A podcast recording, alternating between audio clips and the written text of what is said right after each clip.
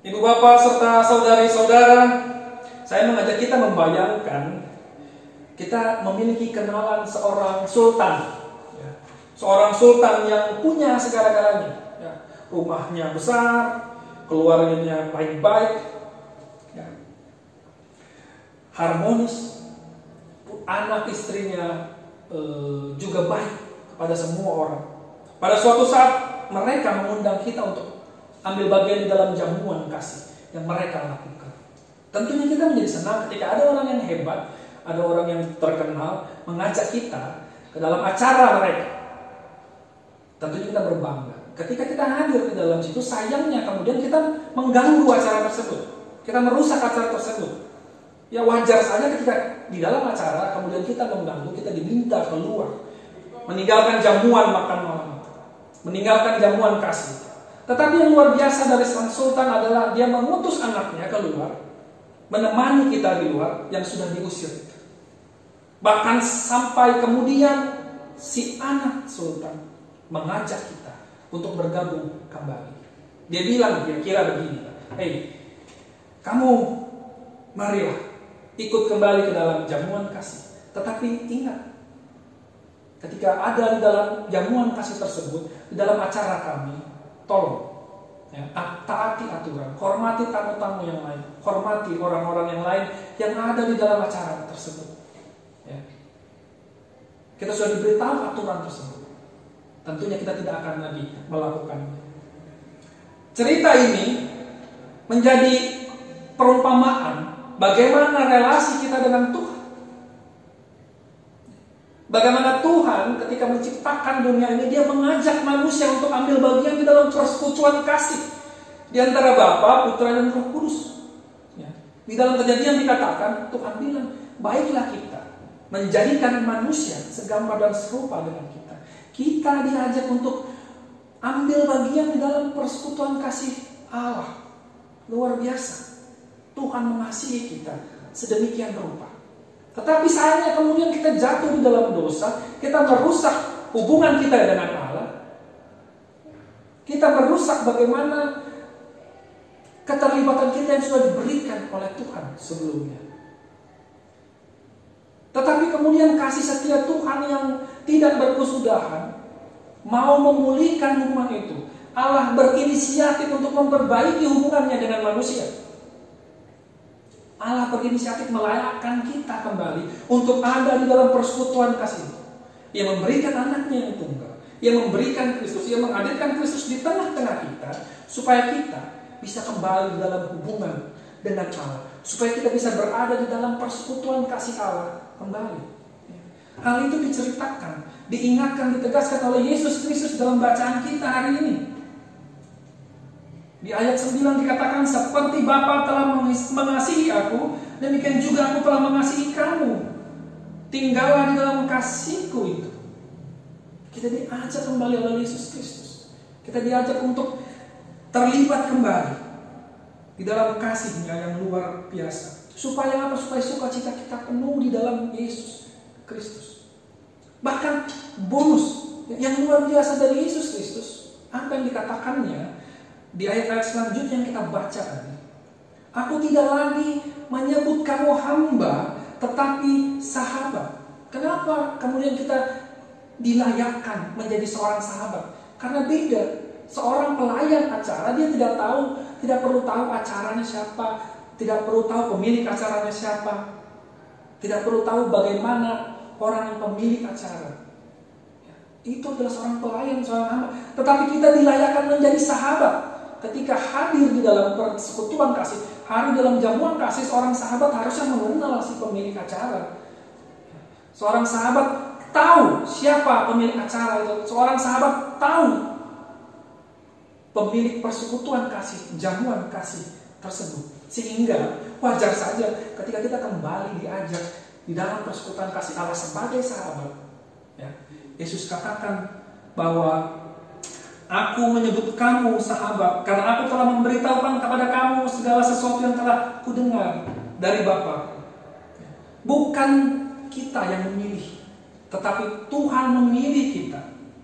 Kemudian kita yang tahu tentang Tuhan, kita yang tahu kasih Allah, kasih Kristus, Kita yang tahu karya keselamatan yang sudah diberikan bagi kita. Untuk itu kita harusnya mengerjakan karya keselamatan tersebut. Kita mengerjakan kasih Allah yang sudah diberikan kepada kita. Ya, sama, ketika kita hadir dalam jamuan kasih, dalam acara, tentunya kita hadir dalam situ, kemudian kita berhubungan baik dengan tamu-tamu yang lain. Ya, kita menghormati pemilik acara dan seterusnya. Kita bukan lagi undangan sekarang. Kita sekarang adalah sahabat. Kita bukan lagi pelayan. Ya, tentunya sebagai sahabat kemudian kita hidup di dalam kasih Allah bersama dengan orang-orang yang lain, bersama dengan sesama kita yang disebut sebagai sahabat itu. Harusnya kita saling mengasihi. Tentunya kita tidak akan merusak acara sahabat kita kalau kita hadir di dalam acara ini. Ya, saya memberikan contoh ketika kita hadir di dalam uh, acara pernikahan, ya, kan aneh kalau kita kemudian uh, menyumbangkan lagu, lagunya lagu-lagu perpisahan, lagu-lagu patah hati. Padahal ini acara perkawinan, acara pernikahan, kan aneh, mengganggu itu namanya. Begitu juga kita harus menyesuaikan diri ketika kita diundang ke dalam acara ulang tahun anak-anak, masa kita nyanyikan lagu-lagu uh, patah hati, lagu-lagu ambiar kan nggak pas.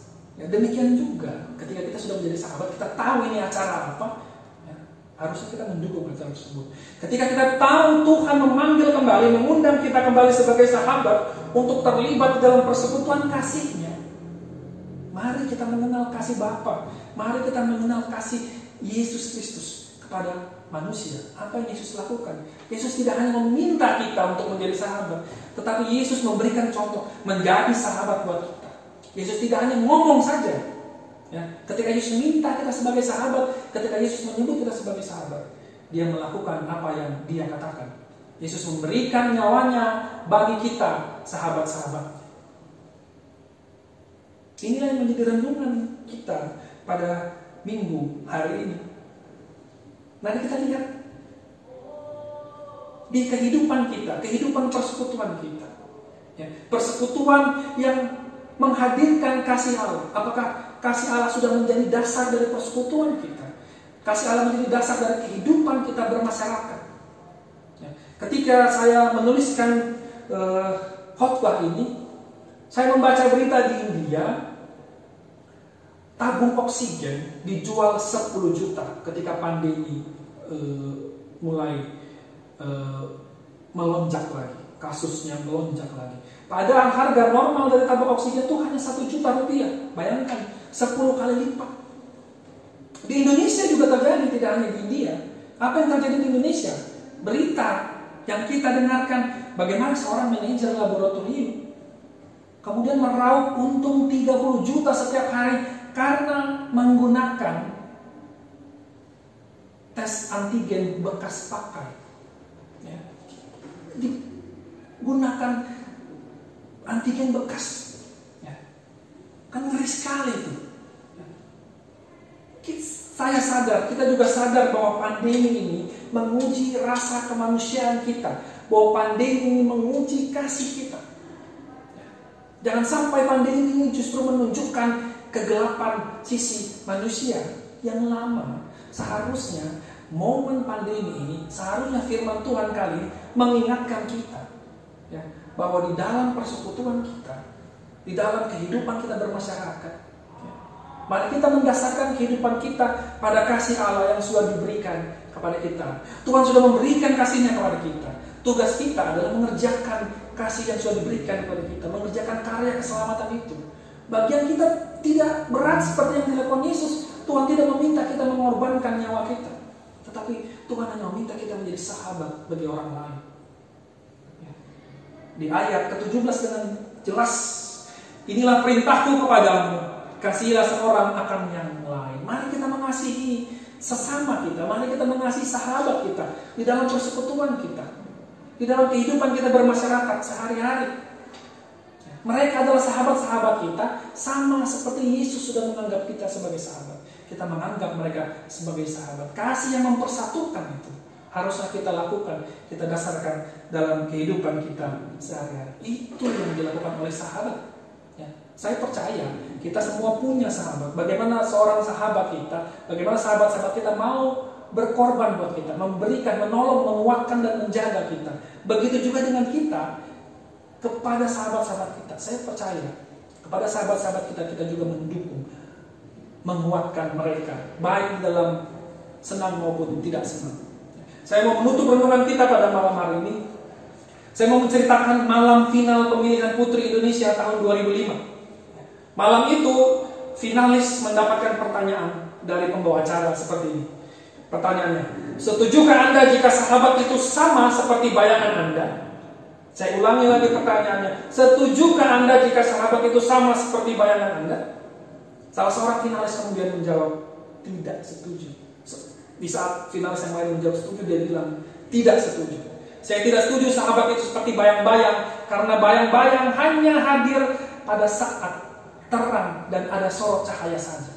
Bayang-bayang tidak pernah hadir di saat gelap, di saat tidak ada cahaya.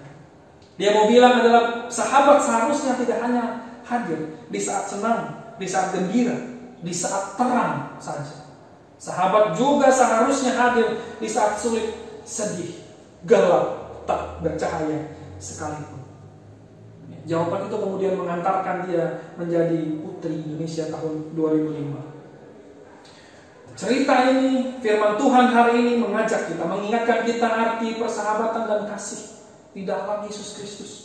Ya, bagaimana kita diminta untuk hidup sebagai seorang sahabat di dalam persekutuan kita, dalam keluarga kita, di dalam kehidupan kita bermasyarakat, berbangsa, dan bernegara. Ya. Tidak peduli dalam keadaan apa pun, dia dalam senang, bahkan dalam sulit sekalipun, dalam sukacita, bahkan di dalam pergumulan seperti saat sekarang seorang sahabat seharusnya hadir menunjukkan kasihnya.